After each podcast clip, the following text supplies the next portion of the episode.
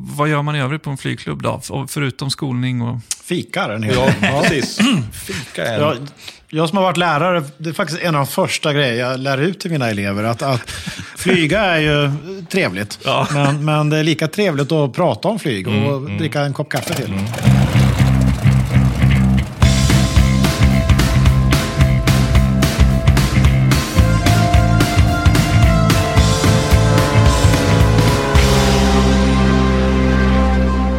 Välkomna till dagens avsnitt av Flygpodden med mig, Marcus. Och eh, det här avsnittet är tillsammans med Linköpings flygklubb, där jag själv är medlem. Och vi har med oss två legendarer i form av Per och Björn. Varmt välkomna! Ja, tack så mycket. Tack, tack. Det var snällt. Ni får presentera er. Eh, jo, men absolut. Jag heter Per Wernholm. Eh, är ju vice ordförande här i klubben och även motorflygchef. Eh, jag har också även varit väldigt länge i den här klubben. Jag började springa här när jag var 13 år, 1978. Så att, och då började jag torka lite skit under flygmaskiner och så vidare.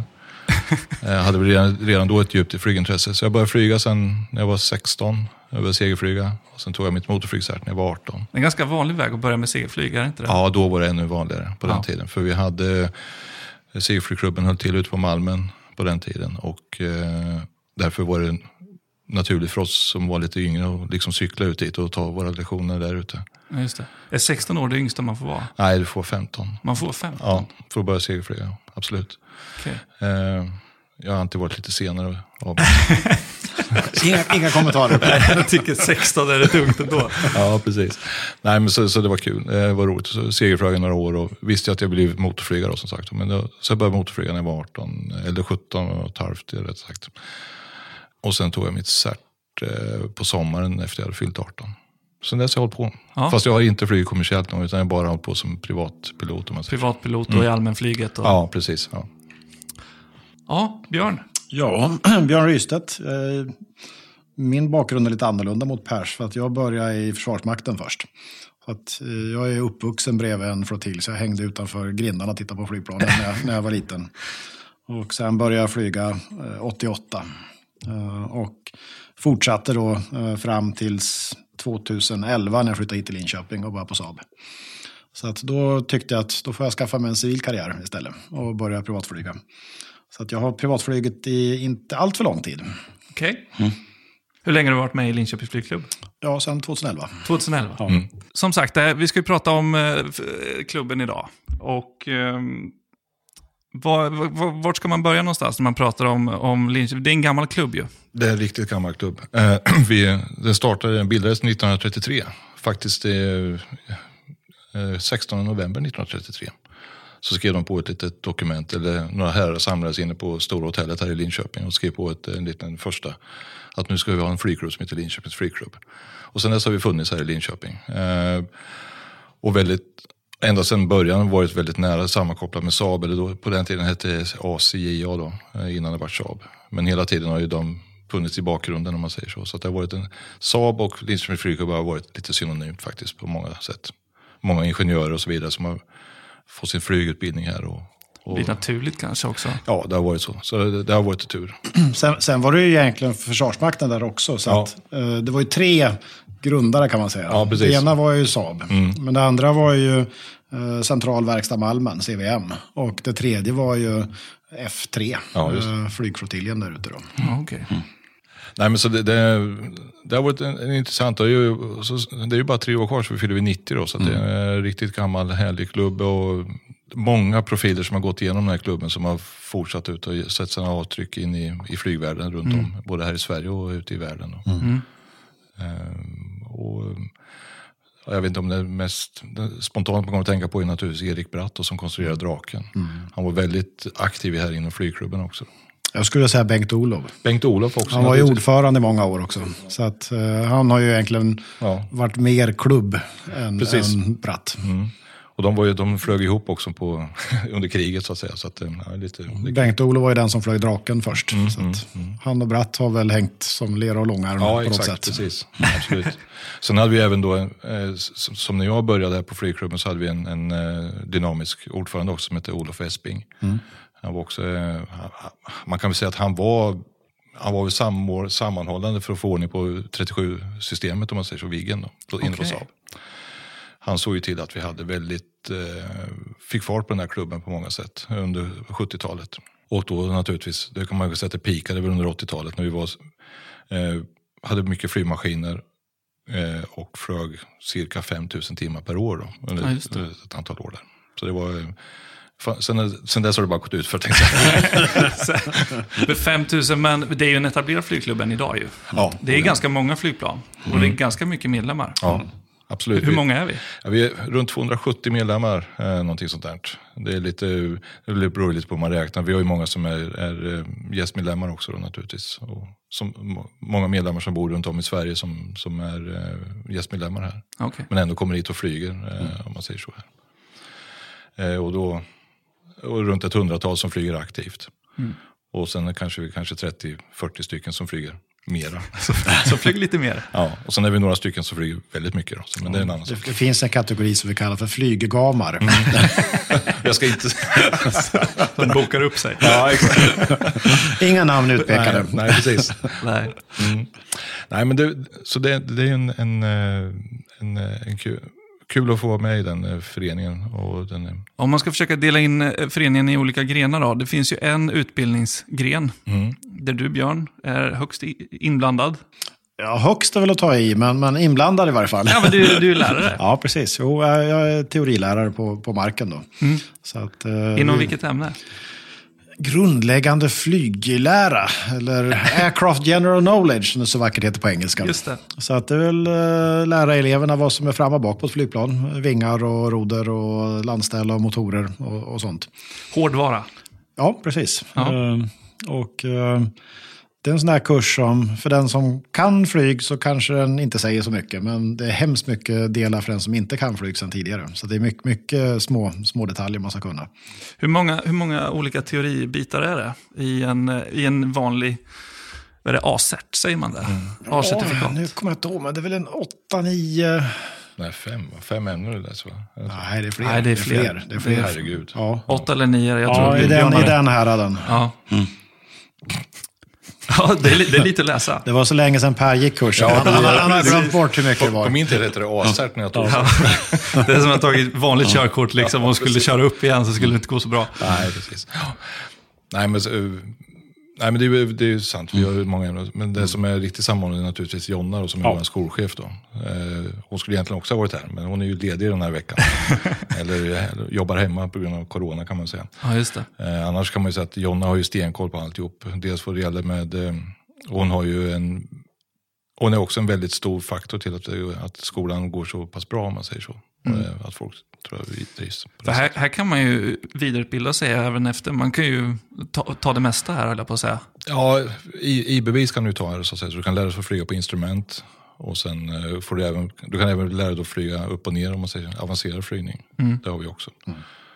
Eh, vi har ju däremot ingen utbildning för att bli kommersiell pilot. Utan det är bara för amatörer kan man säga. Just nu. Ja, just Men det, däremot så är vi ju en en av få skolor som är ATO-godkända om man säger så. Så att vi får ju utbilda folk att flyga på instrument. ATO-godkända, vad innebär det? Ja, eh, vad står det för ATO? Approved Training Organization. Ja, precis. Tack. tack. Jag gärna bara slå, stanna upp så här. Vad betyder ATO? Det är alla de här förkortningarna i flyget. Mm. Mm. Men man, man, kan säga en sak som, som eh, Linköpings flygklubb har, har stor fördel av. Det är just närheten till Saab. Mm. Därför att vi har ju många av våra lärare är ju Saabare mm. och är duktiga eh, inom sina områden. Så att Absolut. det finns, finns gott om kunniga mm. människor i stan. Men så, det är utbildningsdelen och sen så har vi ju hangarer. Mm. Vi har eh, även flygtekniker. Mm. Mm. Vi köper ju tjänsten av eh, IAPS, som det så vackert heter, Håkan Johanssons företag. Mm. Som ligger precis har vi också en väldigt stor fördel här på flygklubben att vi har honom precis i närheten. Det är ett enormt privilegium eh, för att vi får väldigt snabb service naturligtvis när vi behöver. Och när maskinerna går mycket som de har gjort till exempel som i år så kommer ju servicen tätt och, då eh, är det kul. bra att ha en sån närhet till en tekniker. För det slip, vi slipper ha dem stående på marken i onödan på det sättet. Många flygklubbar måste ju flyga iväg sina maskiner till underhåll. Det slipper ja. vi. Mm. Uh, och det är ju både bra för tid och ekonomi. Precis. Det kostar ju pengar att köra maskinerna till, till andra ställen. Så det är jättebra faktiskt. För Förr i tiden så hade vi ju Ja, det är ju så här att nu är det ju bara Jonna som är fast anställd utav flygklubben. Eh, eh, Förut, ända fram till för nästan tio år sedan då, så hade vi ju eh, anställda både på kontor och, på, och sen även anställd tekniker då, inom flygklubben. Det gick ju inte att hålla kvar ekonomiskt sett så att säga, så nu har vi ju då, köper vi in de tjänsterna istället. LFK hade ju ett, ett eget flygbolag ett tag, Östgöta Flyg. Jaha. Och det krävde ju även att man hade en flygchef. Så vi hade ju en fast anställd, eller på deltid åtminstone, flygchef på den tiden. Eh, så att vi hade egentligen, nu har vi ett ATO som en, en skola då. Men på den tiden så hade vi även tillstånd att vara flygbolag. Så att vi var det näst äldsta flygbolaget i Sverige. SAS var äldre. Exakt, precis. Det var, det, nu, vi, låter det, vi har ju namnet kvar, det ligger bara lite i träda fortfarande. Så vill vi kan vi dra igång för bolaget igen. Och då är vi faktiskt, ja, det, det är ett riktigt gammalt ädelt flygbolag. Va- Vilka linjer var det man flög då? Nej, det var inga linjer. Nej. Det var inga linjer? Nej, vi flög, man flög, eh, vi hade framförallt eh, kraftlinjeinspektion. Eh, Jaha, så okej. att, eh, på den tiden så flög vi då med, det började att man flög med superkub och tittade på eh, kraftledningar över hela Sverige. Vi drog även reklamsläp. Precis, gjorde vi Och också. älginventering. Japp. Så att det är mycket sånt som man gör med helikopter nu för tiden. Eller till och med UAVR har väl Ja, ersatt på sista tiden. Vi hade även, vad heter det, ja, rund, alltså, så kallade rundflyg då på den tiden. Så viss typ av taxiflyg kunde man faktiskt utnyttja i de östgötaflygen. Men vi hade inga linjer på det sättet. Utan Nej, det var bara eh, enbart den uppdrag åt, eh, åt kommun och, stat och företag som vi Jaha. utförde. Men det var ju fantastiskt. Det var ju, alltså, det var ju, vi hade ju en kille som heter eh, Kjellis, så kallad för Kjellis, Arne Källström. Han hade väl cirka 18 000 timmar kubb tror jag, så liknande. Är det sant? Och varav, de, om man inte satt i bak, framsits på och lärde folk att flyga kubb så satt han i den här kubb och inspekterade kraftledningar över hela Sverige. Då. Ja. Så att, eh, han, var, han lärde sig att se Sverige från, från väldigt låg höjd om man säger så. ja. Mm. Men vi har en kubb kvar idag. Vi har en kubb kvar. Ja. Och den är ju också en, eh, det är lite kul för den, sist, den kubben byggdes ihop av en kille som heter Kalle eh, Gustafsson som också var en, en mek som vi hade på klubben som jobbade väldigt länge. Han jobb, började slutet på, eller början på 50-talet och jobbade ända fram till sin pension eh, i slutet på 80-talet. Och det sista han gjorde här i klubben det var att bygga ihop den här kubben, eh, en superkubb. Och den, det, det finns olika historier om den, den är ihopbyggd av alla möjliga lustiga kubbar. Vad, vad, för, för, vad är det som skiljer en superkubb mot en vanlig kubb? Nej, ingen speciellt, det är mest motorstorleken. Okej. Det kan man säga. Eh, och sen eh, om det är klaff eller inte kan man säga också. Ja, en- okej. Men en superkubb har- brukar ha från 100, jag tror att superkubb, den första superkubben tror jag var någonting på 120 hästkrafter. Liknande. Jag är lite osäker. Okej. Eh, Men nu, de vanliga superkubbarna är på 150 hästkrafter. Och en, en vanlig mellankubb eh, kallas för, de ligger på 100 eller 80 hästkrafter. Så det är lite, All right. ja. Eh, Men han, det sista han byggde den här var ju den här superkubben och den eh, fick ju beteckningen också eh, Sigrid Karl-Erik Gustav. Då. Och det är ju för att han hette ju, han heter ju, hette ju Karl-Erik Gustafsson. Så det var rätt så roligt. Ah, Vi lyckades-. Ja, så det, Tjusig hälsning. så därför vill vi inte gärna göra oss av med den kubben utan vi vill gärna ha den kvar. Så det är därför, Såklart. ja, därför vi håller på att renovera den och förhoppningsvis klar om kanske två, tre år kanske. Ja. Lite flax. Det tar sin tid. Det tar sin tid. Så är det ju. Allting, att bygga flygmaskiner tar tid. I alla fall om man gör det privat. Och det kan man ju nämna att en av anledningarna att vi beslöt att göra renovering, det är för att medlemmarna ska vara lite aktiva. Så att det är ju ett frivilligjobb. Mm.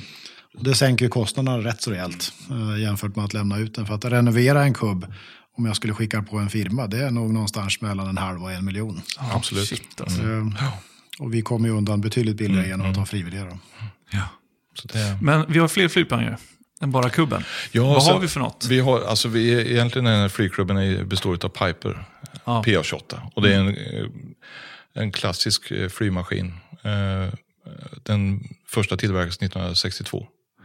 Och den ser ut ungefär i princip likadant som den gjorde 1962. Det är lite försköningar med lite andra vingar och lite bättre instrument och så vidare. Men annars, om du ser en, en Piper från eh, 1962 så kommer du känna igen eh, dragen ifrån den om man säger. Det är väl världens näst mest tillverkade flygplan. Ja, alla precis. Ja, exakt. Jag tror, eh, och sen har vi då Cessna också då, naturligtvis, som är den andra som, eh, som tillhör eh, kategorin allmänflygplan, om man säger, som, vi, som används väldigt mycket. Så antingen är man Cessna eller också Piper. Och jag är väl både och egentligen. Vi har ju Piper, men jag gillar, gillar väldigt mycket att flyga Cessna faktiskt. Det är- Alltså, Du tycker att så stor skillnad? ja, det är, det är kul. Sådana här grejer. Det är- Vad är Fast- skillnaden då? Det- Ja, den ena Cessnan är högvingad och Ja, jo. Piper är lågvingad. Det är ungefär skillnaden. Nej, men det är väl ungefär den största, största skillnaden. Eller i alla fall som man ser det utifrån. Sen finns det, ja, flygmässigt så skiljer det inte speciellt mycket egentligen. Nej. Det är ungefär så. Men, det, men de är ju två populära och de är väldigt, man kan väl säga att de är väldigt eh, välkonstruerade på det sättet. De, de tål väldigt mycket. Eh, vi har ju till exempel vi har ju Martin Helge, Kalle Martin Helge här. Jonnas favorit. Ja. Med en PA28 kadett, ja, 89 års modell. Eh, som har flugit alltså 16 000 timmar. Men det är väl inte det mest imponerande, utan det mest imponerande är att han har ungefär 65 000 landningar. Ja, det är sjukt. Med samma landningsställ. Och då är det bara de vi räknar. Ja, en det elev gör ju fyra landningar per exakt. landning. Så att, Så det, jag menar, det, vi, kan, vi kan dubbla det där säkert. Och jag menar, då är det inte, den är ju skolflygmaskin, så den har ju som sagt varit med om ett antal hårda landningar naturligtvis. Eh, och det är helt fantastiskt. Så det berättar ju lite om kvaliteten då. Eh, Ja.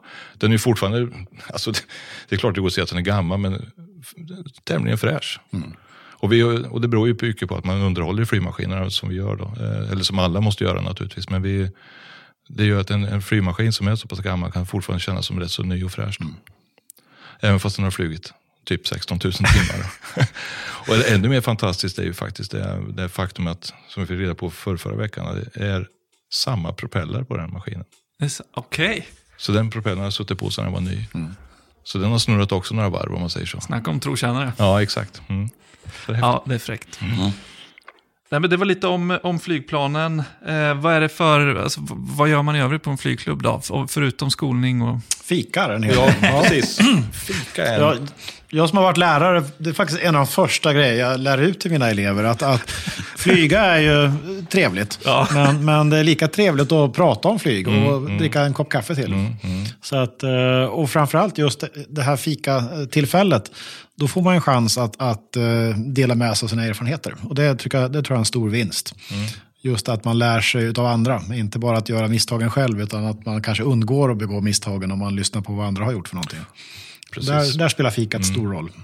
Absolut, och det, och det är ju det som är så kul med, med och det genomsyrar ju nästan all flygning. Det kvittar om man pratar professionellt eller om man pratar flygklubb, så är det ju det att man det finns den här mentaliteten att man, eh, inget fördömande, utan man, man lär sig av misstag av andra gör. Då. Och det, man, för misstag gör man ju varje dag på något sätt. Eh, och när det gäller i flyget där som sagt, så, så tar man upp, man suger upp det som en lärdom helt enkelt. Man fördömer inte att någon gör någonting dumt, utan man tar lärdom av det. Så delar man med sig till alla, alla runt omkring. Då.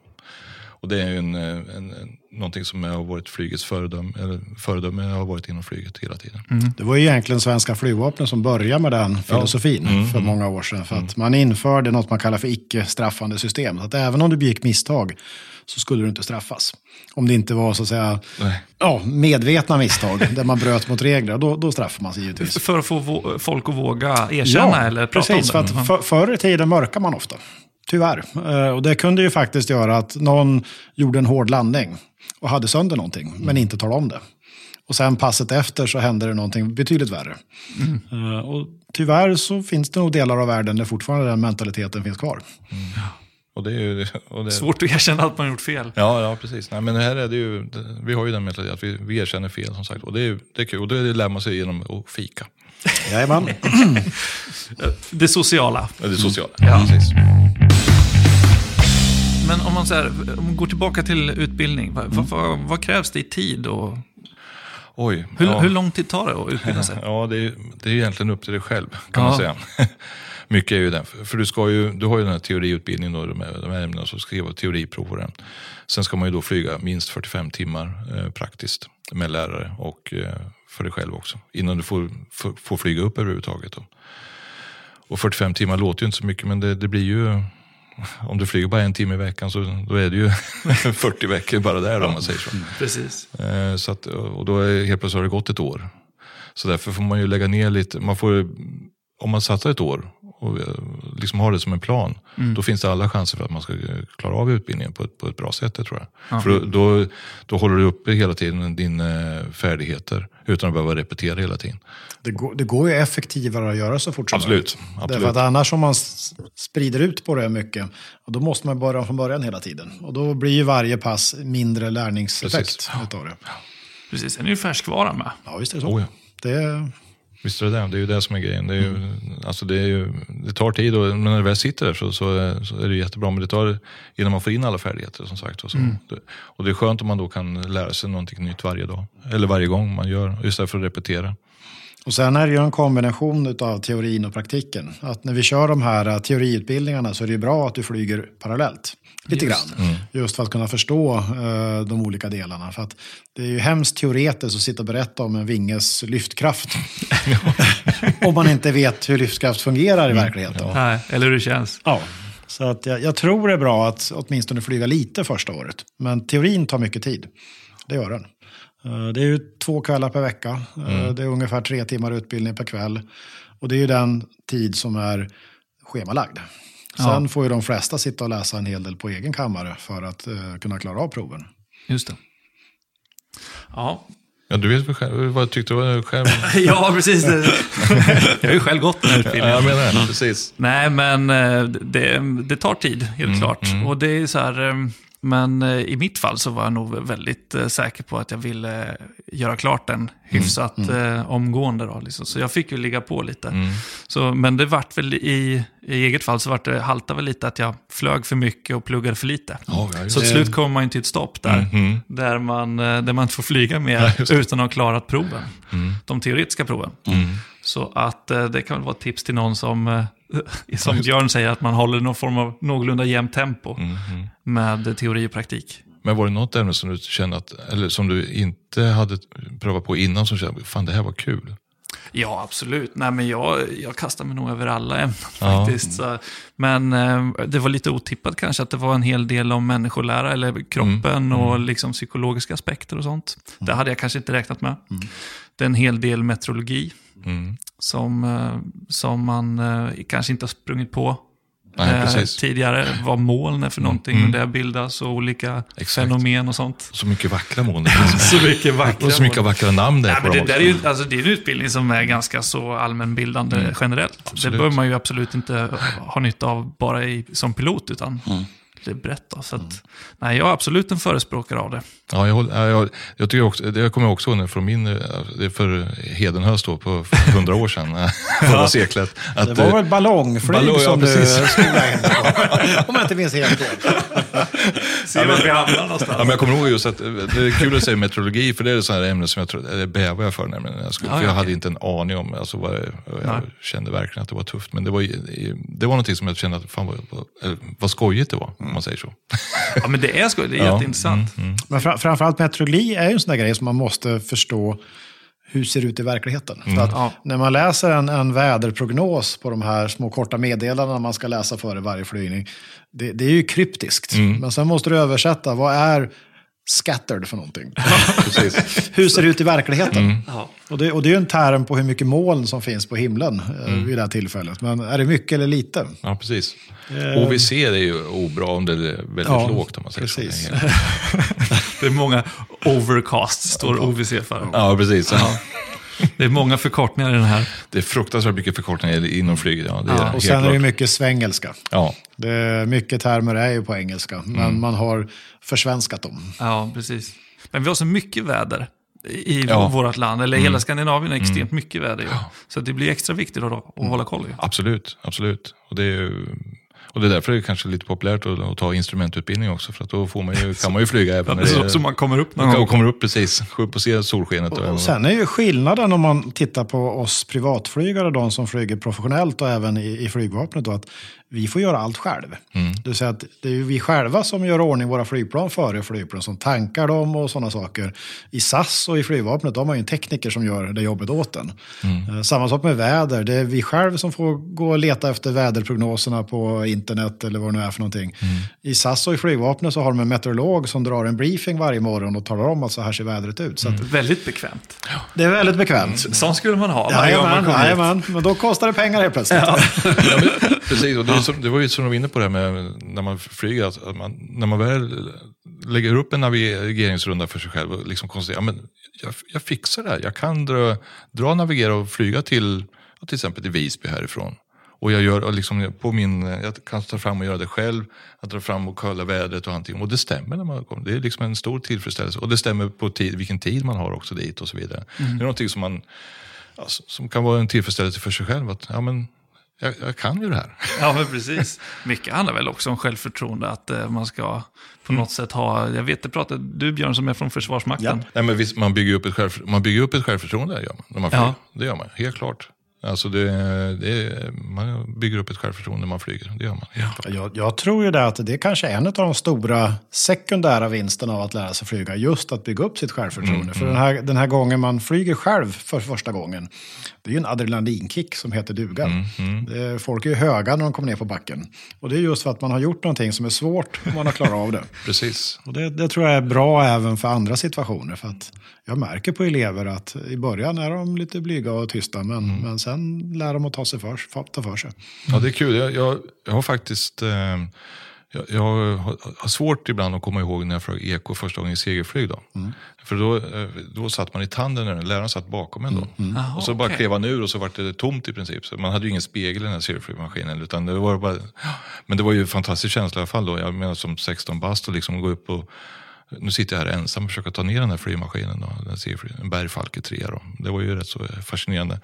Men jag kommer ihåg, men, eh, definitivt ännu starkare känsla för när jag flög motorflyg första gången ensam. För då, den lä- läraren satt ju bredvid då. Och då när man tittar mot den där läraren brukar sitta, liksom, man, kände man efter på sätet, "Nej, han sitter ju inte här. Det gör han." och så drar man iväg och sen, ja men det var en eh, fri känsla utöver det vanliga, det är helt klart. Och eh, någonting som man kan få lite gåshud över fortfarande. Helt klart när man tänker tillbaka på. Hur, hur håller man det här vid liv då? För att det är ju, alltså flyg, flygintresset det kan ju också vara en färskvara. Absolut. Det så? Det är många som hoppar av, eller många, men det, det, det händer ju. Har Ja, du några det- tips på? ja, precis. Ja, det, man, alltså det, man- om man väl har kommit och börjat flyga så kan man, sen finns det ju egentligen ingenting som kan stoppa en egentligen. Men du kan göra precis vad du vill. Alltså utbilda dig till vad du vill egentligen. Eh, från det. Mm. Och du kan även, eh, ja, till exempel som här på flygklubben då, som jag sa, vi kan ju då utbilda till flyga på instrument. Vi kan lära dig att flyga upp och ner, alltså avans. Och det är ju många som finner, finner stor tillfredsställelse i det också. Och då är, känner man ju, trumla runt med att göra rollar och loopar över, det är ju rätt häftigt faktiskt. Jag, jag, jag tror att det man måste göra är ju att utmana sig själv lite grann hela tiden. För att när man flyger man lite, ja men då kanske man bara vågar flyga precis runt fältet. Man, man, man, man kan inte ta steget och göra någonting mer, utan man måste göra någonting som är lite svårt hela tiden. Och hela tiden växa eh, i sin, sin kunskap. Då, då kommer man automatiskt att flyga mer, för att man, man, man, man vågar göra mer. Och då blir det inte tråkigt heller. Nej. Nej, det, fin- det finns mycket och jag håller med dig fullständigt. Och det finns, man behöver egentligen inte flyga speciellt mycket egentligen. Alltså, eh, man kan egentligen bara gå upp och flyga kanske, gå upp och flyga kanske en kvart varje vecka. Och ja. liknande. Bara man går upp och, och så sätter man så här mål att man ska landa inom 10 meter. På den här. och så vidare. Ja, man kan sätta upp lite mål för sig själv. Sen så tycker jag, jag vet inte riktigt hur det är för alla andra, men för min del så är det ju så här att eh, när jag, jag får ju lite abstinens om jag inte flyger då på ett tag. Och den stora fördelen med att flyga, det kvittar egentligen vad man flyger för någonting, det är ju att du måste ju vara koncentrerad på det du gör då. Så har man, eh, liksom, du hamnar i en liten bubbla då. Så då kan ju en, en halvtimme försvinna bort där. För att om du har någonting, du behöver inte tänka på någonting annat än just att koncentrera på det här med flygmaskinen. Då, som sagt. Du ska föra fram den fram och tillbaka. Och landa den på ett snyggt sätt och starta den på ett snyggt sätt och så vidare. Och det tycker jag är en, en stor fördel om man håller på med det här. Och eh, kan man inte finna någon annan utmaning där så, så är det rätt så skönt att bara gå upp och känna bort, eh, titta ut över en eh, vinge och så tittar man ner över Linköping här på, över vänstervingen och så liknande. Så, ja, det är rätt vackert faktiskt, ut över slätta. Jag håller med. Och sen om man har tagit instrumentflygcertifikat och får flyga i moln, ja, då kan man ju faktiskt starta en dag som det är regnigt och mulet och tråkigt. Och sen komma upp ovanför molnen. Där finns solen hela tiden. Ja, exakt. Faktiskt. ja, det är helt fantastiskt. Där. Man skulle inte tro det sådana här tråkiga novemberdagar, men den finns där uppe. Ja, precis. Det, det är också en kick. Nej, men så det finns ju det. det, det finns ju, även man kan ju tävlingsflyga också, som vi är inne på. Också. Man kan ju då tävla i, eh, i någonting som kallas för na- naviger, navigeringstävlingar och landningstävlingar som vi har. Landningstävlingar har vi här på klubben bland annat. Jaså? ja, kör, eh, Ja, den som heter Gripen, eller? Gripen heter den på, på, på sommaren och Nattugglan, för vi flyger även eh, landningstävlar i mörker här som sagt också. Så det är lite roligt faktiskt. Och historiskt sett ska vi tydligen ha varit lite, lite framgångsrika också. Ja, precis. Vi har, eh, vi har ju en kille på klubben som flyger nu som är eh, väldigt framgångsrik tävlingsflygare. Han tävlar även nationellt. Och, så han är ju till och med en stor grabb då, inom idrottsrörelsen. Så det är rätt så häf- Va, häftigt. vad är definitionen av Ja, en stor grabb? Man ska ju ha vunnit ett antal SM och... Eh, tror Jag tror man får poäng för plats, placeringar i, i stora tävlingar. Ja. Och, om man kommer upp en viss poängnivå då, ja, Då är man en stor grabb. Stor grabb. Precis, ja. Eller stor tjej kan man vara också. Han, är- han ligger i klass med Stenmark och de här grabbarna och Björn Borg. Och Det är fräckt. Det är fräckt. Men då, då finns det någonting som kallas för också eh, flygfemkamp. Då. Och då tävlar man ju dels att att flyga navigeringsövning på, i luften och sen så är det en landningstävling också. Det gäller att komma så nära en prick som möjligt. Sen så springer man även på marken tre tävlingar. Eller man har tre deltävlingar också på marken. Man orienterar på marken, man simmar och eh, Löpning. löpning, ja. Vanlig löpning. ja, Exakt. Mm. Och det, det är ju SM en gång var, varje år. Då, det. Så det finns lite sådana tävlingar man kan vara med i. Mycket som man inte känner till. Mm, precis. Är Det, är många som åker till Visby och käkar lunch. Sägs det i alla fall. Ja, vi har ju fantastiska ställen att åka och käka lunch på runt om här. Det är ju någonting som har exploderat på sista tiden faktiskt, det här med att äta. Eh, på andra ställen än, än eh, man kallar det för ha- 1000 dollar burger. Ah, 100 dollar 100 burger. dollar burger, det, precis. Ja. och vi har ju, alltså, vi ligger ju rätt så bra till för det här sätt här i Linköping. Man kan åka till Visingsö bland annat. Och då åker man till norra änden av Visingsö. Där har man ju då om man vill spela golf har man en niohålsbana där. Sen så, kan, så parkerar man flygmaskinen så har man ungefär en 1,32 centimeter ner till vattnet eller något sånt liknande. och sen kan man även då låna en cykel där och så cykla ner till hamnen i, i, i, på Visingsö och käka lunch där om man vill och så cyklar man hem igen. Och sen sätter man i flygmaskinen och åker hem. Sen har du Stegeborg, en av Stegeborg. mina favoriter. Stegeborg är din favorit. Ja, det, det är ju jättefint också. Det är, både Vi- Visingsö tar 25 minuter att flyga till och Stegeborg tar en kvart. Och jag menar det är ju rätt så fascinerande. Och Stegeborg är ju faktiskt väldigt fint också. Samma sak där, det finns bad Ja, och precis. en bra restaurang. Nu får vi inte göra reklam kanske. Men, men den, den ligger där. Den ligger där precis. Det är klart vi får. Och framförallt så är det ett hemskt fint eh, gräsfält som eh, en flygentusiast eh, driver. Så det är gratis att landa där.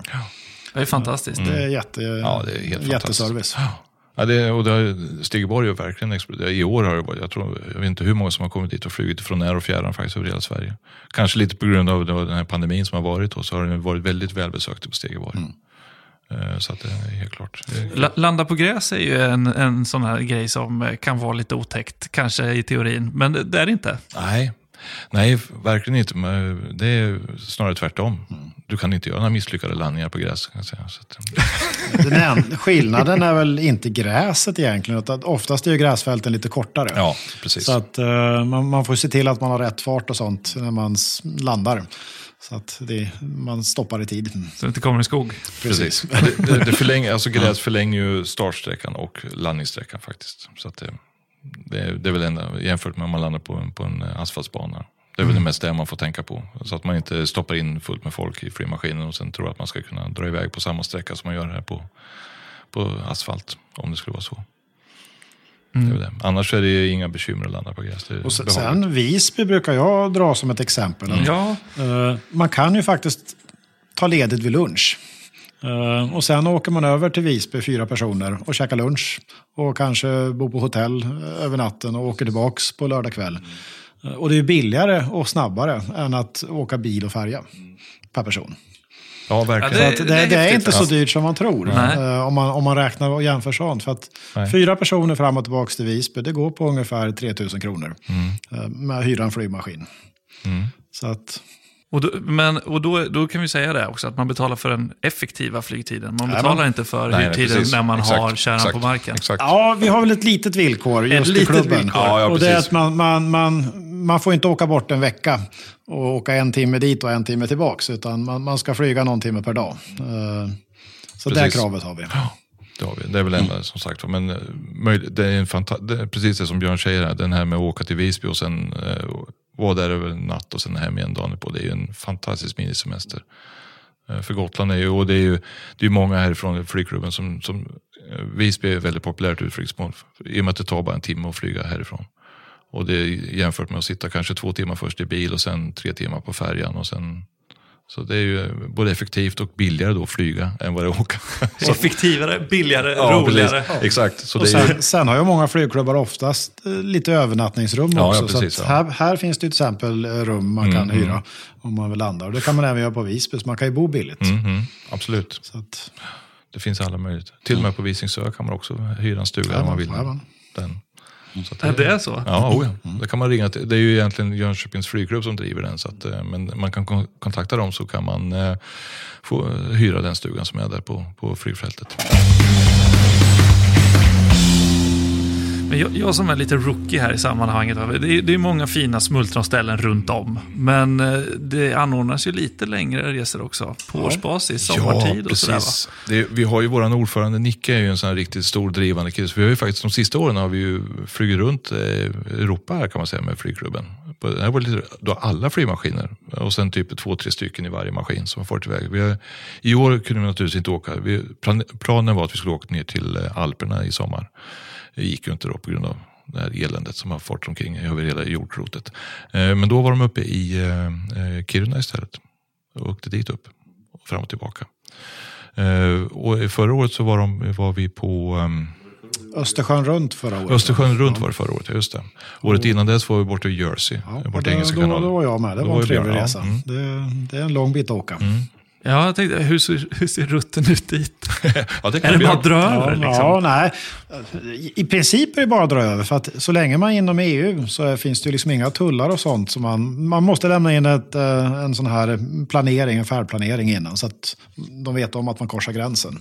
Men mer än så behövs egentligen inte. Och sen, så ja, man kollar så det finns bränsle där man landar.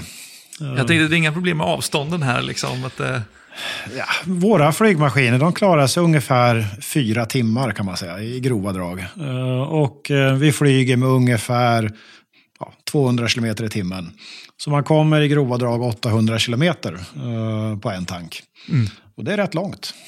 det räcker en bit. Vi, vi kommer nog ner nästan till Tyskland på en Ja, tank. ja, Berlin härifrån kan man ju säga. Ja. Det är ju, Men eh, ofta så stannar man någonstans halvvägs för att fyra timmar är jobbigt att sitta och köra ett streck. så att precis. en liten fikapaus kanske. Fika Får inte glömma Nej, fika. Nej, Ja, och precis, nej. framförallt kanske även att turas om. För att åker man tre Ja. piloter i en kärra så är det bra att man flyger var tredje pass. Eh, Dels för att det är kul att flyga, men sen även att dela kostnaderna. Då, så att man, man, man flyger en timme, man landar någonstans och så byter man. Ja, men det är väl ungefär som när du åker bil kanske. Alltså det är typ två och en halv timme så är det väl rätt så lagom att stanna och ta en fika eller, eller stanna och ta en rast i alla fall och sträcka på benen. Och det är väl ungefär likadant här när man flyger. Och, så, och två och en halv timme, då hinner man ju en, en, en bit. Det gör man ju faktiskt helt klart. Även med de Så här när vi åkte ner till Jersey till exempel, då stannade vi ju och fikade i, i norra Tyskland. Eh, och sen eh, åkte vi ner till uh, Groningen, Groningen i, i Holland. Eh, och där sov vi över en natt. Och sen nästa dag så fortsatte vi via då, nu kommer jag inte ihåg vad det var, i Belgien någonstans. Och så ner till, till eh, i Frankrike. Ja, Normandie eller? Ja, det var i Normandieområdet, men jag kommer inte ihåg vad flygplatsen heter. Hur som helst så stannade vi där och sen var vi och tittade just på Normandie och besökte de här eh, landstigningsplatserna. Och sen åkte vi vidare till Jersey då, där vi också stannade i två dagar. Eh, Men det som är en stor utmaning det är att är man borta en vecka så händer det rätt så mycket vädermässigt. Ja, jo. Så att när vi skulle åka hem så var det utmanande väder. På vägen ner var det jättefint, men på vägen hem då fick vi stanna en extra dag på Jersey för att det var för dåligt. Gäller det att hamna i samma flygplan som de med... Ja, med IR. Ja, med ja, precis, ja, exakt. Då, så man kommer hem. Ja, nej, men det är, det är fantastiskt och det är lite kul att, för det, det här är någonting som faktiskt har kommit igång nu på senare år i klubben. Vi, vi hade också förr i tiden, eller förr i tiden, eh, förra århundradet så körde vi också lite flygutflykter på det sättet. Men nu har det kommit igång lite igen och det är kul. Lite utmaning med just Jersey, det är för att den ligger utanför EU. Så helt plötsligt så hamnar man ju eh, i behov av att tulla in sig. När vi åkte tillbaka från Jersey så skulle vi landa i Calais för att tulla. Och när vi kommer till Calais så står det ingen tull där. Eh, Så vi frågade ju killen som satt på flygplatsen där om vi behövde vänta på tunneln eller inte. Och han sa nej, inga problem, det är bara att åka vidare. Så vi åkte vidare.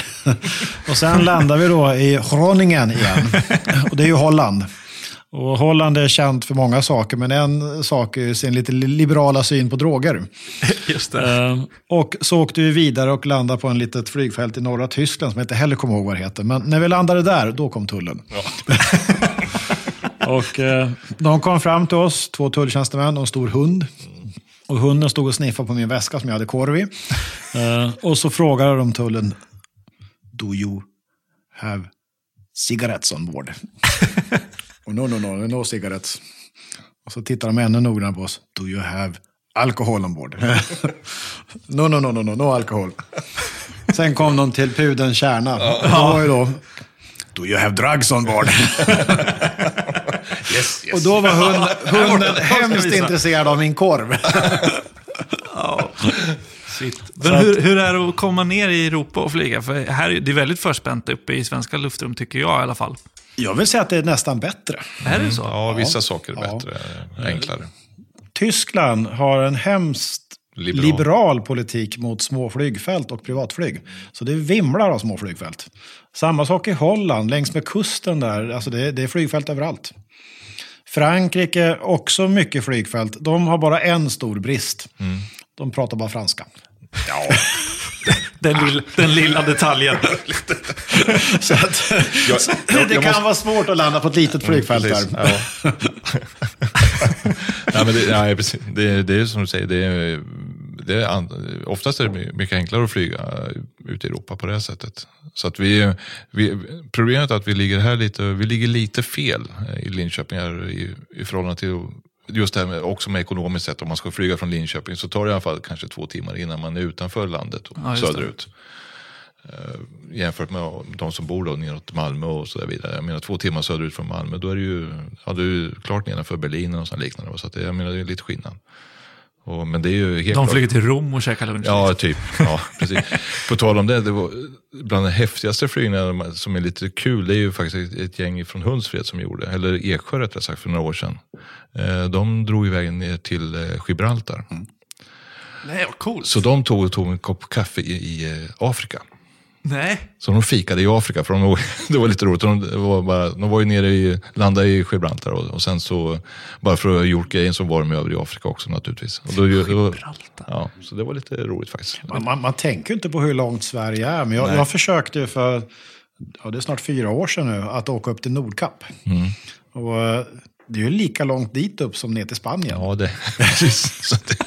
Ja, och så ska man ha lite bättre... Och, där, och, där, och vädret där uppe är ju verkligen, man ska ha tur. Vi kom inte dit, vi fastnade i Kiruna. Det var för dåligt väder helt enkelt. Men, men det är långt. Mm, mm. Ja, verkligen. Ja, det är häftigt. Nej, det är, det, Europa är, det är också en utmaning man kan säga. Men alltså, det, det är inte riktigt lika, ja, nu vet man inte hur det kommer att bli med flygbranschen men det har ju varit eh, ofördelaktigt ekonomiskt sett att åka med en liten flygmaskin naturligtvis ute i Europa. Och det är ju inte, jag menar med tanke på att det kostade typ eh, 500 spänn att ta sig ner till Rom ifrån Skavsta. Då, så att, jag menar, det går ju inte att jämföra. Det, så, så billigt kommer du inte undan med de Nej, här. nej, precis. Nej, men sen, sen brukar jag säga att det är ju inte målet som är målet kanske Nej, nej. på sådana här resor, utan det är ju resan i sig själv. för att den, den, den är ju en utmaning och en lärdom. Absolut. Det är, och det är jättekul när man väl får iväg som sagt. Hur roligt som helst. Jag, ja, jag, jag har bara gjort två resor i Europa kan jag säga. Ja, Den ena var ju för många år sedan och den andra var nu i, i år. Då. Så att, men den jag gjorde för många år sedan, det var ju lite roligt. Den pratade om droger. så, så, Vad ska du säga nu? Du ska prata med din advokat först. Ja, men det fanns en sån här, ja, det var rätt så kul faktiskt, för det fanns en sån här ställe i Hamburg som man kunde handla i en liten Ja, de hade ju, jag hade inga droger, men de hade mycket sprit och vin och så vidare. Då kunde man handla. Det, hade, det hette faktiskt Pilot Shop också tror jag. Ja, du ser. Så där, vi, vi var ju fyra stycken och så hade vi en PA28. Eh, och sen så lastade vi den där PA28. Ja, den var så full med vin. Och, så vi, jag vet, vi satt ju i bak, jag satt i baksätet då och skulle åka hem. Så jag hade, jag hade vin och öl runt omkring mig, så här, liksom, runt fötterna. Eh, och då så, eh, så och då, det roliga är att vi hamnade bakom eh, en 747 på, som skulle taxa ut. Så vi, vi taxade bakom den här 747 då. Och sen så startade 747 och, vi, och så vi som satt där i baksätet med PA28 så tittade vi när 747 lättade och sen så fick vi vänta ett antal minuter för att inte hamna i virvlar. Och sen så började vi rulla med den här PR-shotan och vi körde med liksom det här, åh hej, åh hej.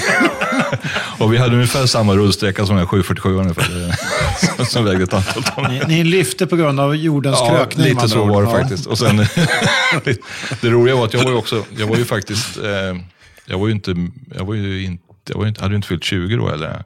Så att när vi landade och tullade in på Sturup där så Tullarna var ju mer fascinerade av att vi fått med oss så mycket sprit än ett PR-shottan och inte titta på min ålder för jag hade inte fått ta in någonting egentligen för jag var ju under 20 bast egentligen. Men det gick bra. Det var kul. Äventyr. Ja, det var också förra, förra året, förra seklet. För att hålla flygintresset vid liv. Ja. Åk och köp sprit. ja, precis. Eller och fika. Fika. Ja. Ja, det är härligt. Har vi sagt det? Vad, vad, vad, kostar, det vad kostar det att flyga en, liksom, och hyra ett plan och flyga en timme? Ja, just det. Runt 2000 kronor. Mm. Eh, nej, Nej. vänta, våra maskiner, nu var jag inne på fel. Runt 1500 skulle jag Runt säga. 1500, vad Ja. dum jag är.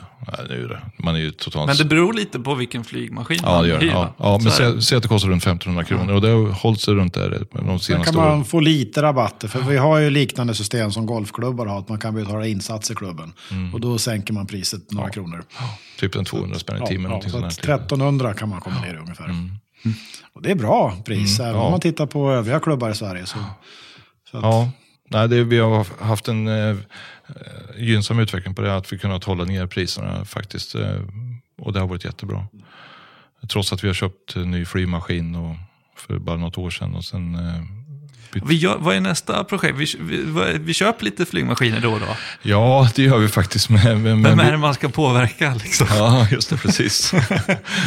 det här är en av dem. Ja, exakt. Ja. Men däremot, ja, om man ska vara lite så här, så vi har, vi har ju bestämt nu, lite som vi var inne på förut, där, om, man, om man flyger lite då som sagt va, så vill vi nog att för att hålla, även fånga upp de som flyger lite då, så, så har vi nog sagt det inom styrelsen att vi, vi behåller PR-shotarna. Den stora fördelen med en PR-shota är att den är, den är enkel i sig själv. Det, det är ingenting som är otäckt med den. Och, och liksom, även om du inte har flugit på kanske 12 månader och sånt liknande, så, så känner du igen den när du går in och sätter dig i den flygmaskinen. Allting sitter där du brukar göra, som du känner igen. Och den är tämligen snäll också. I, i alla Den, den är flygplanens Amazon. Ja, lite så är den faktiskt. Ja, exakt. Det, Den, det är en robust konstruktion. robu, väldigt robust konstruktion, väldigt enkel. Men samtidigt helt okej, trevlig att flyga omkring i om man säger så. Den är ju mångsidig och väldigt eh, pålitlig. Det, det här är ju lite grann en, en av utmaningarna på flygklubbarna. För att alla pratar om att få ner bränslekostnaderna. Och bränslet, ja visst, det är en viktig del av det hela. Men underhållet kostar ju också. Så att, och inköpskostnaden och avräkningen per år. Precis. Så man måste ju titta på den totala kostnaden. Och vi har ju moderna kärror, typ DA20, som är en, en plastkärra av senaste generationen. Och det är ju egentligen en segelflygplan som man har vidareutvecklat. Eh, Så det är ju liksom, det är state of the art. Den drar hemskt lite bränsle, men den är dyrare underhåll. Och eh, då, kost, då hamnar de på ungefär samma kostnad, både en PR28 och en DA20. Fastän den ena drar inte hälften så mycket, men nästan. Ja, precis. Eh, Per timme. Den drar väl typ 21-22 liter och de andra drar ju typ 30 liter. Så att det är väl någonting sånt. Är 30-35. Nej, det- just bränslekostnaden har inte varit den avgörande faktorn just nu. Då. Men vi, vi, vi, tittar ju, alltså kommer någon, vi tittar ju på nyheter som kommer naturligtvis, det gör vi. Eh, det som har varit senast är det här med el, elflygplaner och som sagt och Det kommer ju också naturligtvis, men just nu är det ju ingenting för våran del. Eh, varken som klubb eller skola. Då. Eh, just på grund av att det är för, alldeles för dålig aktionstid på dem. Då. Vi kan inte ens ta oss till Norrköping här utan att behöva ladda.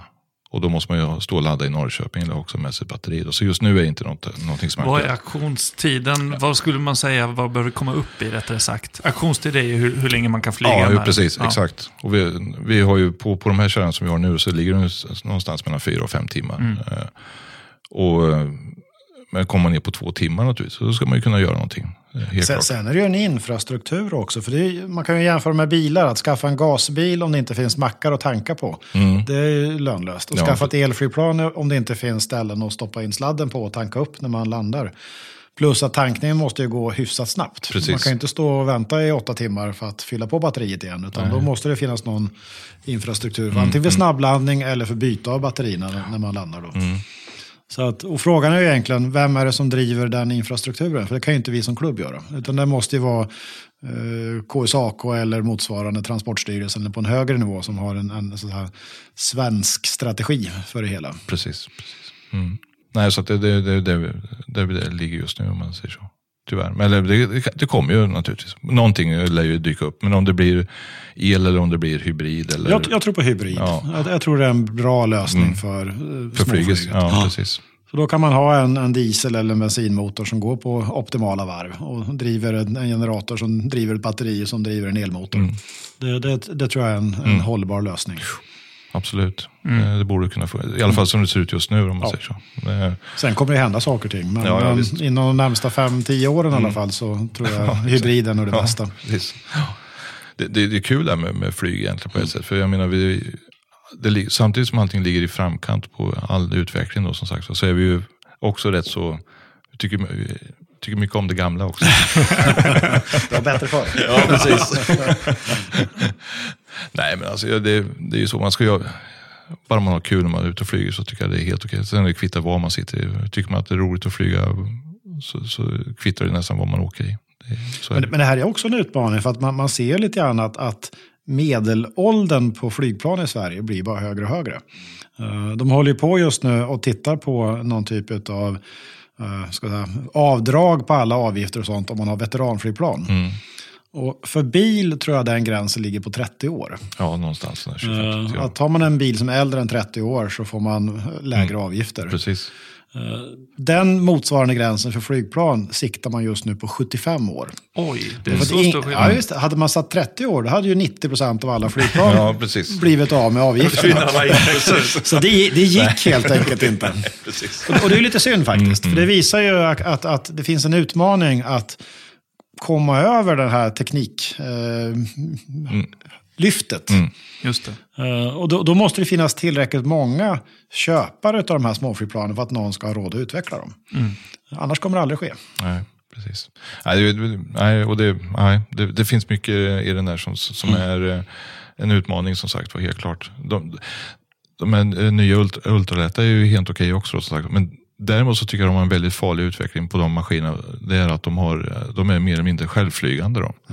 Och då förstår jag inte riktigt vad vi ska ha dem till för i vår lilla krets. Eh, som far för omkring för att det är lite roligt. Eh, bara ta den här som ett exempel. Så finns det en maskin som heter Bristell tror jag den heter. Och den får du inte göra stål och vikning med. Du får inte vika den i skolning då. För den kan, kan hamna i flatspinn. Och då kan man inte ta sig ur den flatspinnen och gå i backen. Så då har man satt en fallskärm i den här flygmaskinen istället. Och då, innebär, men, och det, och då förstår jag inte riktigt vad, vad ska man med den flygmaskinen till? Alltså i- som, Ja. som för våran del. För Ja. vi, vi, vi är ju inte så här kommersiellt att vi ska ta oss från A till B på det här sättet. Vi, är ju- vi är ute för att ha lite... En, Man vi- missar målet där lite. Ja, precis. med- Det är ungefär som en självkörande motorcykel. Vem fan är ute och åker motorcykel då? Ja, precis. Eh, Det är liksom den, den tanken jag har på det hela. Mm. För det är, ju- alltså, det är likadant, man kan jämföra mycket med hur det är med motorcykel och hålla på med det här. Då. För det är ju ungefär samma frihetskänsla. Man drar iväg och åker på en liten grusväg eller på en kurvig väg med motorcykel. Det är ju fantastiskt skönt en, en sommarkväll. Då. Det är ju ungefär likadant här.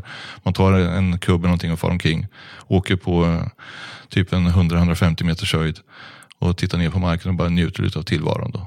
Man kan till och med få in lite maskroslukt. om man- 170 meters höjd. 170 meter, förlåt. Det är det som är. 500 fot. 500 fot. ground. Vi kör alltid ground, ja precis. Ja. Nej men så, så lite så, men så, så den, den utvecklingen förstår jag inte riktigt. Annars är det jättefränt med dem, de går jättefint de här flygmaskinerna. Och de, eh, men just den utvecklingen förstår jag inte, för man tappar ju den här känslan av att kunna framföra en flygmaskin. Om, du inte vet hur en, om man inte vet hur en flygmaskin uppför sig i alla lägen så, så är det ju inte, det är inte speciellt bra. Jag tror man måste marknadsföra också på rätt sätt. För om man, om man tittar till exempel på Saab, när de första etanolbilarna kom. Det man marknadsförde sig med var faktiskt att man fick mer drag, dragkraft. Ja. Effekt i motorn. Och samma sak med, med elbilar. Alltså många av de här elbilarna som har slagit igenom har ju faktiskt mer effekt än motsvarande bensinmotor. Oh, ja, ja, Så att, eh, det, det är sällan miljötänket kommer i första hand. nej. Eh, men det vore ju bra om man kunde få bägge sakerna i, Mm, i en smäll. Absolut. Ja, men kan, kan det inte vara en fördel om man får ner eh, alltså, kostnaden Jo. i... absolut. per flygtimme. Jo. Kostnader är alltid viktigt Ja, för det vore För, jätteskönt. för hela flygintresset. Mm. Absolut. Eh, Skulle man få ner det, absolut, det, det, det skulle vara jätteskönt. Men just nu har det inte varit en avgörande faktor för, Nej. för de som flyger. Men det, det kommer säkert att bli det. men pro- problemet är det, jag, jag brukar jämföra också med ungdomar. Den första bilen man skaffar är en typ Volvo 740. Därför att den är billigast. Den drar över en liter bilen, men totalt sett så är den billigast. Så att det gäller att få den här moderna kärran som faktiskt även är billigast att- att att flyga. Och som även är säker. Det får inte vara farligt för att man har snålat på, på säkerheten. Nej, precis. precis. Mm. Tittar man så kommer det ju mycket intressant. Jag är hemskt förtjust i Blackwing som Ja, är då ett svenskt Ja, projekt. där är något nytt på gång. Jättefina maskiner, men de är, det kostar en del att köpa in sig. Så att ska man byta ut gamla PA-28 mot en Blackwing, ja, då ska man ha lite pengar. precis. Eh, Och det är svårt att få banklån, speciellt som klubb, eh, för att köpa flygmaskiner. Mm. Nej, då är det fortfarande de här gamla häckarna som vi åker omkring i, de är fortfarande absolut optimala när det gäller i klubbsammanhang fortfarande, ska vi hävda. I driftkostnader då? Alltså flyga på klubbens flygplan eller äga själv? Var, var, var Allt går är billigare att köpa på klubben. Ja, är vi, vi brukar säga det, för att våra maskiner ska löna sig så ska man kanske flyga en 200-300 timmar per år. Och det gör du inte på en privatkärra. Nej. Uh, för att uh, privatkärror kanske kommer upp max i 100 timmar per år och då blir det dyrare per flygtimme. ja om du tar det som någon slags jobb, att du kan utnyttja i ditt jobb och sånt möjligtvis. Alltså, Du måste betala hela försäkringen, du måste betala hangarkostnad, uh, underhållet. ja, precis. Det är dyrt. Mm, det Om inte man har någon annan som kan vara med och dela på det hela. Absolut. Så att ett sätt att äga privat är ju faktiskt att gå ihop ett par stycken och köpa en kärra tillsammans. Och det finns det ju galningar, typ han och jag, som har gjort. och, Det, det samarbetet är avslutat. men, nej, nej, nej, men, men, men, men fa, fa, fa, faktum är att när man gör en sån sak, eh, de flesta som gör det gör det av två anledningar. Eh, Det ena är att man kanske vill ha en maskin som man kan ha längre tider. Eh, Typ åka iväg en månad eller något sånt där. Och då är det svårt med en klubbmaskin. Eh, Eller det andra är ju att man vill ha en udda maskin, någonting som inte en- klubb kan ha. Typ ja, som vi då med en, en gammal dubbeldäckare från andra världskriget. Eh, Det är ju ingenting för en, en klubb att, att flyga omkring. Men för privatpersoner så, så är det kul. Booker Ljungman, vet du. Det Ja. är grejer det. En klassiker. Ja, precis. Skolflygmaskin. Ja, men det är läderhuva och vit halsduk. Exakt. Mm. Men det, fi, det finns ju ett, ett, eh, Jag tänker på Bulldoggen. Mm.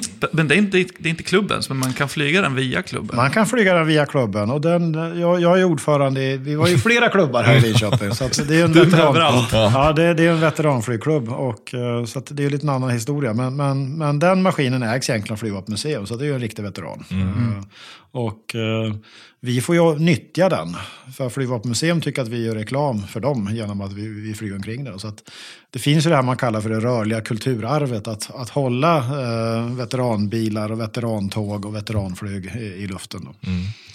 Så att, och sen är det en kul maskin. Ja, precis. Oh ja, oh ja. Och vi, vi har ju, jag är också medlem i den klubben också i och för sig. Men där, där har vi ju även, vi håller på och ska få en Saab Safir snart också. Det är också ett renoveringsobjekt som har varit igång. Ja, men det, det är ett annat koncept. I, den, Ja. I den klubben så får medlemmarna göra mycket av jobbet. Eh, vi, där renoverar vi flygmaskinerna. För att där har vi inte det här behovet att kunna skola på en maskin. Så vi, vi behöver inte ha en, en, en, fast tekniker. Nej, Utan då gör vi jobbet själva.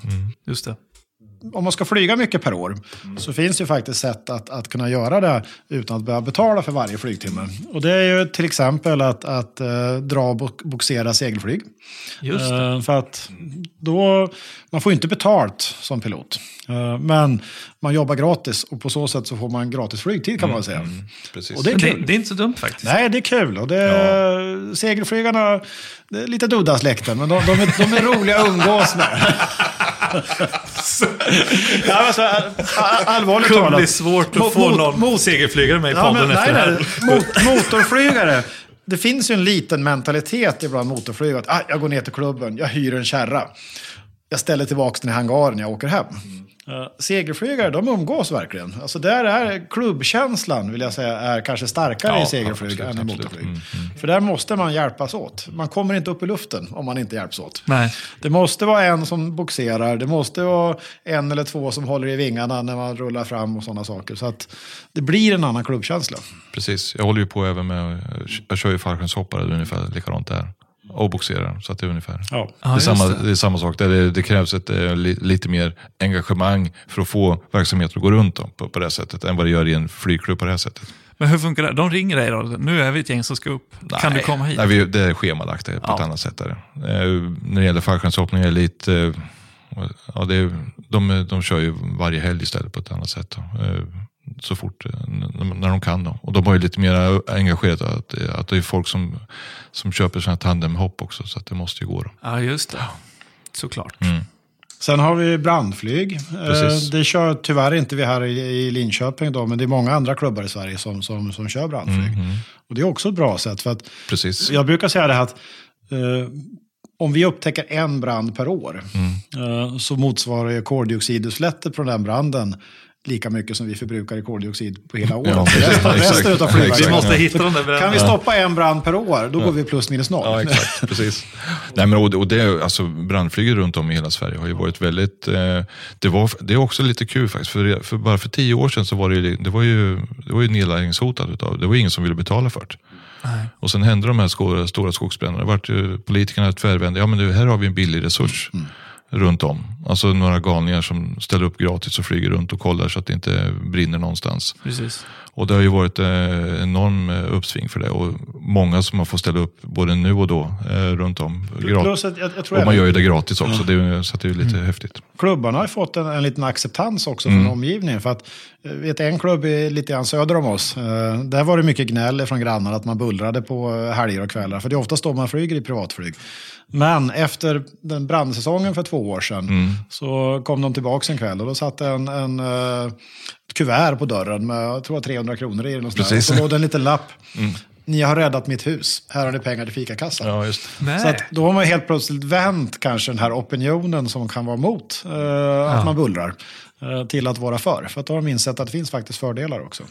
Precis. Nej, så att det, det är en stor fördel, helt klart. Så det, det är ju någonting, och det kan man ju alltid, det finns ju den möjligheten att, att, flyga. Och, Men hur ansluter man sig till en organiserad brand? Ja, tyvärr är det som sagt, det är, här i Östergötland och sen finns det ett län till i Sverige som, inte, som bara vill utnyttja kommersiellt bolag för att flyga brandflyg. Då. Eh, För övriga Sverige så är det ju då frivilliga krafter då, som sagt. Okej, Så att just här i Östergötland är det lite svårt. Tyvärr. ja Men sen har, du, sen har vi en annan grej också. Vi pratar om någonting som heter frivilliga flygkåren. Då. Där kan man också joina. Eh, Och det är också, då får man också gå lite utbildningar och, eh, både inom civilförsvaret och så vidare. Och även inom hemvärnet kan man ansluta till det också om man vill. Så kan man tillhöra en flyggrupp inom hemvärnet. Som vi ju två gör här. Då. Sen, sen kör jag även sjöbevakning eh, genom frivilliga flygkåren. Och då är jag ute och tittar på lite fartyg som åker mellan eh, Gotland och fastlandet. Fotograferar och Okej. sätter upp en liten eh, databas för, för försvaret åt det hållet. Så det är också en, en och det är ju då en, en skarp rökt mot samhället och som sagt som gör en tjänst åt. Och det är lite grann det här också att göra något nytt varje år. Mm, Att, att lära sig något nytt. Exakt, ja. Att, att dra, boxera segelflyg eller s- lyfta fallskärmshoppare eller Mm. Precis. köra hemvärnsflyg. Alltså exakt. det, Utmana sig lite. ja, det är en utmaning. Och man gör ju liksom en liten, ja, på något sätt så är det, man gör ju faktiskt en liten samhällsnytta lite här och där. Man får ju får ju inte ta något betalt utan det här är ju någonting som vi gör gratis på vår fritid. Då. Eh, Så att det är ju, kan man väcka upp den känslan lite hos politiker också. Att det här är någonting, vi, dels så satsar man kanske, eh, som vi sa det, vi kanske inte sa det förut, men en utbildning kostar väl kanske typ 120 000 kronor. Då. Sen satsar man sin egen tid och mera pengar på det. Och sen så ställer man upp för samhället och flyger gratis för att titta och kolla på lite bränder. Och man är ute och tittar på fartyg eller man ställer upp för hemvärnet och så vidare. Då. Eller hjälper folk att komma upp på segelflyg eller hoppa fallskärm. Eller hoppa fram. Ja, precis. Lite åt det hållet. Så det är ju, vi, vi, är ju, vi är lite konstiga på det sättet. Ja, alltså det, klart. det, det, det, är- en sån grej som jag försöker lyfta ibland. Att, att många ser det bara som nöje. Mm. Eh, och visst, det är kul. Eh, men det är även ett sätt att bygga upp den kunskapen som krävs för att faktiskt kunna göra brandflyg eller för att kunna göra, Mm. flyga i hemvärnet. Eh, Man måste ha ett visst antal flygtimmar innan man får börja med den typen av verksamhet. Och den måste man ju bygga upp, den kunskapen. Precis, precis. Ja. Nej, det, det En trygghet också kanske att man har lite erfarenhet innan man börjar liksom Ja, dra vi- upp andra segelflygplan. Ja, ja, ja, men man kan börja rätt så tidigt med det faktiskt. Det är Ja, det är så. Jag kommer inte ihåg hur många timmar det är nu. Jag Jag tror det är lik- 100. är det 100 ja. Ja. Eh, 200 är det väl för FFK. Mm, mm. Men du får, ju vara med i, du får ju gå med i FK tidigare som sagt. Ja. Då. Eh, Inga bekymmer. Men eh, för att flyga skarpa uppdrag och så vidare så måste du ha 200 flygtimmar först. Då. Så det, men det gör du ju snabbt, Marcus. Så det är lugnt. Ja, precis. ja, vad härligt.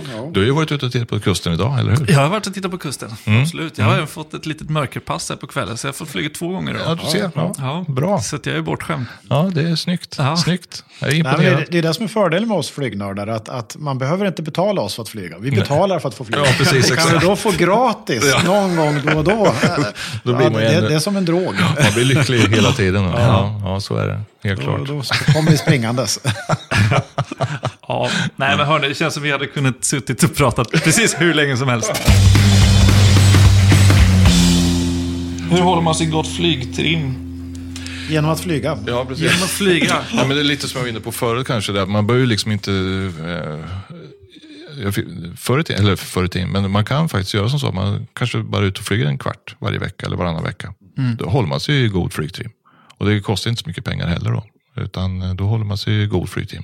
Går man ut och bara kör en kvart och studsar några gånger, eh, alltså sta- start och, sta- start och landning, Ja. så håller man sig i god flygtrim faktiskt. Det är helt klart. Vissa saker kan man ju faktiskt även köra i simulator. Ja, visst. Eh, Det här grundläggande starta landa, det, det funkar bäst i verkligheten. Mm. Men, men till exempel att göra en instrumentinflygning, det funkar ju simulatorerna alldeles Absolut. utmärkt till. Oh, ja. Och vi har ju en simulator här på klubben också Mm, som klubbmedlemmarna får låna gratis. Så att, Absolut. Ja, absolut. Den ska man också göra helt klart. Den funkar ju nu. Så det är en stor, Ja, stor, stor fördel. Ja, den fungerar. Ja, den fungerar, ja precis. Nej, men den är cool faktiskt. Den är jättebra. Det är, ju, det är ju en riktig cockpit som står. Ja. Och sen så med skärmar som går eh, Precis, ja, 180 180 grader Ja. runt liksom. Och faktum är att den, den är rätt så bra i känslan också faktiskt tycker jag. När man, flyger. alltså det, det stämmer rätt så bra överens med verkligheten när man, när man, kör ut, när man inte kör på instrument utan bara kör lite frihand sådär. Så. Ja. Och det är ju samma sak där. Där har vi också lite frivilliga klubben som, Mm. som hjälper till att bygga om simulatorn och hålla den i skick. För det är ju lite datorer som ska bytas och operativsystem Mm. som ska bytas. Ja, verkligen. Det kommer ju nya utgåvor av de här programmen ideligen. Så Mm, att det, det finns ju tankar att stoppa in eh, både ny grafik Ja, och just det, ny mjukvara. Det blir häftigt. Helt klart. Det, det går att hotta upp ännu mer. Ja. Men vad, vad, skulle, vad skulle du känna för då? Har du någonting som du skulle vilja göra något som du inte har? För, för att liksom... Ja, för att få flyga. Är det någonting som du saknar som du känner att, fan, ska vi inte göra det här på klubben? Ja, nej, men alltså jag, skulle, jag går ju och fantiserar om att vi ska ha en riktigt stor eh, flygtävling. Okej. Alltså typ som slalom. Mm. Eh, Red Bull Air. Liksom. Ja, just en sån. Fak- Faktum är att vi hade diskussioner om det. Är det Eh, så? För, ja, visst. För ett par, tre år sedan så hade jag möten med, med, med Red Bull-ansvariga. Okej. Eh, För att eh, vi tyckte Linköping var ganska idealiskt. Stockholm höll ju på att få Red Bull för ett tiotal år sedan. nu. Eh, Men där var det ju polisen som satte stopp bland annat. För att säkerheten var svår att garantera. Men här i Linköping så har vi faktiskt två flygplatser. Eh, Så det går ju att starta på en och landa på en annan i värsta fall. Och vi har ett perfekt eh, område att flyga över och det är Roxen. Jag tänkte säga det. Där, där vad som än händer så riskerar man ju inte att skada någon i omgivningen. Nej. Så att om man sätter upp såna här uh, Uppblåsbara koner koner på Roxen så Ja. skulle det bli en perfekt bana. Nej, men jag tänker så här, så skulle, det finns ju en hel, lite trevliga platåer att stå på Ja, vid Bergs jajamän. slussar ner. Mm, Till exempel. Nej, men tanken har varit uppe på tapeten, Mm. men eh, det krävdes en rätt rejäl investering. Därför att eh, någon var tvungen att hosta upp, jag tror det var 20 miljoner, Mm, Okej. Mm. eh, för att få hit evenemanget. Eh, Kokossar om andra ord. Ja. och, och det var lite för mycket för flygklubben. Mm. 20 miljoner. Ja, men då får man alla tv-rättigheter och lite såna här saker. Så att, eh, går det bra så går det bra. Men, men det är ofta där, vi, har, vi arrangerar en flygdag 2013 här eh, på, på klubben. Och en flygdag är en jättekul arrange- ar- arrangemang, men det kräver ju bra väder. Om man då investerar och plockar hit eh, utländska eh, uppvisningsgrupper och såna här saker, de vill ju ha betalt. Även om det inte blir någonting. Och någon måste ju garantera den Precis, summan. precis. Precis. Och det är oftast lite för stort för en flygklubb. Det finns ett par ställen i Sverige där de lyckas med det. Dala-Järna till exempel. Och det, det, jag gör jättemycket reklam för dem. Ja, det, det tycker jag är en av de bättre eh, stående flygdagarna. Som, Alltså, och för det är så kul, för det, det samlas ju alltså folk som bygger egna flygmaskiner. Ja. Och vackra flygmaskiner och gamla flygmaskiner, nya flygmaskiner, nya innovationer så att säga. Så att det är ju jäkligt, väldigt bra tillställningar. Eh, Stjärtsvängen där och sen, Ja. och sen Dala-Järna. Det är jättebra. Absolut. Brukar vara runt... jag tror det var tredje år. Nu Ja. tyvärr så ställde de in nästa år. För att det, corona gjorde det för osäk, osäkert Ja, för att kunna arrangera. Då. Ja, Och det i, är, I år har ju allting ställts in. Ja. Så att vi får Men hur har en sån flygdag sett ut? En typisk på... De brukar köra två dagar, lördag Mm. söndag. eh, Med ungefär samma program. Men de brukar plocka dit eh, ja, både nationellt och internationellt. Sverige har ju en hel del duktiga eh, flygare. Absolut. Eh, Inom segelflyg så har vi vunnit VM de sista åren. Mm. Både Och riktigt precis, duktiga aerobatics, ja, uppvisningspiloter. exakt. Johan Gustafsson är väl den som är Jajamän. mest känd. Och sen har vi en kille som är inte långt, strax söder om, vad heter han, Salminen va? Ja, precis. Mm. Gustav. Ja. Gustav och Jakob Hollander ska vara med i nästa avsnitt. Ja, kul. Jajamän, jajamän, Faktiskt. jajamän. Scandinavian Och- Air Show. Ja. De kör ju i Kina en hel del och, och Ja. sådana bitar. Så att det, det är ju jätteduktiga killar. Sen har vi ju haft i Sverige tycker jag en, en riktig tur med dels Biltema som har sponsrat eh, mycket när det gäller uppvisningsflyg. Mm. Och så har vi då Swedish Air for Historical Flight som också har hållit intresset Mm, uppe. mm, Så att vi, vi har en, en bra... precis. Och det är gänget som var här i helgen också, Team Ja, 50. Team 50. Det är Team 50 får vi inte rikt- glömma. Nej, precis. Riktiga, riktiga Ja, flygentusiaster. där kan man snacka om flygnördar, hela gänget. Det En salig blandning av både gamla flygvapenpiloter och privatpiloter. Så det är lite roligt. faktiskt. Sverige har gjort sitt bidrag till flyget, helt klart. Det finns, det finns mycket. Ja, det är, alltså i år har det varit lite tråkigt. Det är ju, de är, alltid, det är också någonting som brukar alltid vara roligt att göra på, eh, det är alltså att åka på lite sådana här flygträffar. Då. Eh, f- Man träffar ju lik, likasinnande och man får se andra innovationer och få lite nya inspirationer och så vidare. Det har ju tyvärr varit inställt alltihop i år naturligtvis. Då, men, eh, Visingsö var bra, för de, de brukar köra en fly-in Ja, i precis. augusti varje år. Och i år var det, jag tror det var runt 100 flygplan Ja, exakt. som kom det, var, dit. det var sant, de kom dit. Det var gick att ha det på Visingsö. Det är också en sån gammal klassisk historia. Som, 100 flygplan. Mm. Det, då är det trångt Då är där. det trångt, ja precis. Men kul, verkligen. Ja. Eh, ja. Men eh, ja, vi får hoppas att det hoppar igång med lite andra tillställningar snart som sagt när det gäller flyg, flygdagar och flygtillställningar på det sättet. ja, precis. Det är en tid efter corona också. Ja, vi, pratar om även, det fanns faktiskt någonting som är uppe i Skå var också en väldigt kul grej som eh, uppe på Skå Edeby utanför Stockholm på en, eh, på, ute på Ek, Ekerö. Ekerö. Ekerö. Ja, precis. Där har man ju också haft varje år eh, lite tillställningar som man, man samlas med också gamla, nya eh, flygmaskiner. Och, eh, det är också någonting som är väldigt kul här med flygeriet faktiskt. Det är att eh, det är en rätt så det är rätt många som håller på med det. Men samtidigt är det, väldigt, det är alltid någonting som man känner att man har någon connection någonstans. Eh, Man träffar alltid någon som, som håller på med flyg och så träffar man. Så det är en liten värld. fast jag tycker väldigt- framförallt eh, i den här staden, i Linköping, så är det ju... Där springer man ju på folk precis överallt. Ja, det gör man. Så det, det är kul. Det är roligt. Men eh, samtidigt runt om i världen finns det är en liten värld som har lite connection ihop där som sagt. Så det är roligt faktiskt. Det har blivit mer och mer. Helt klart.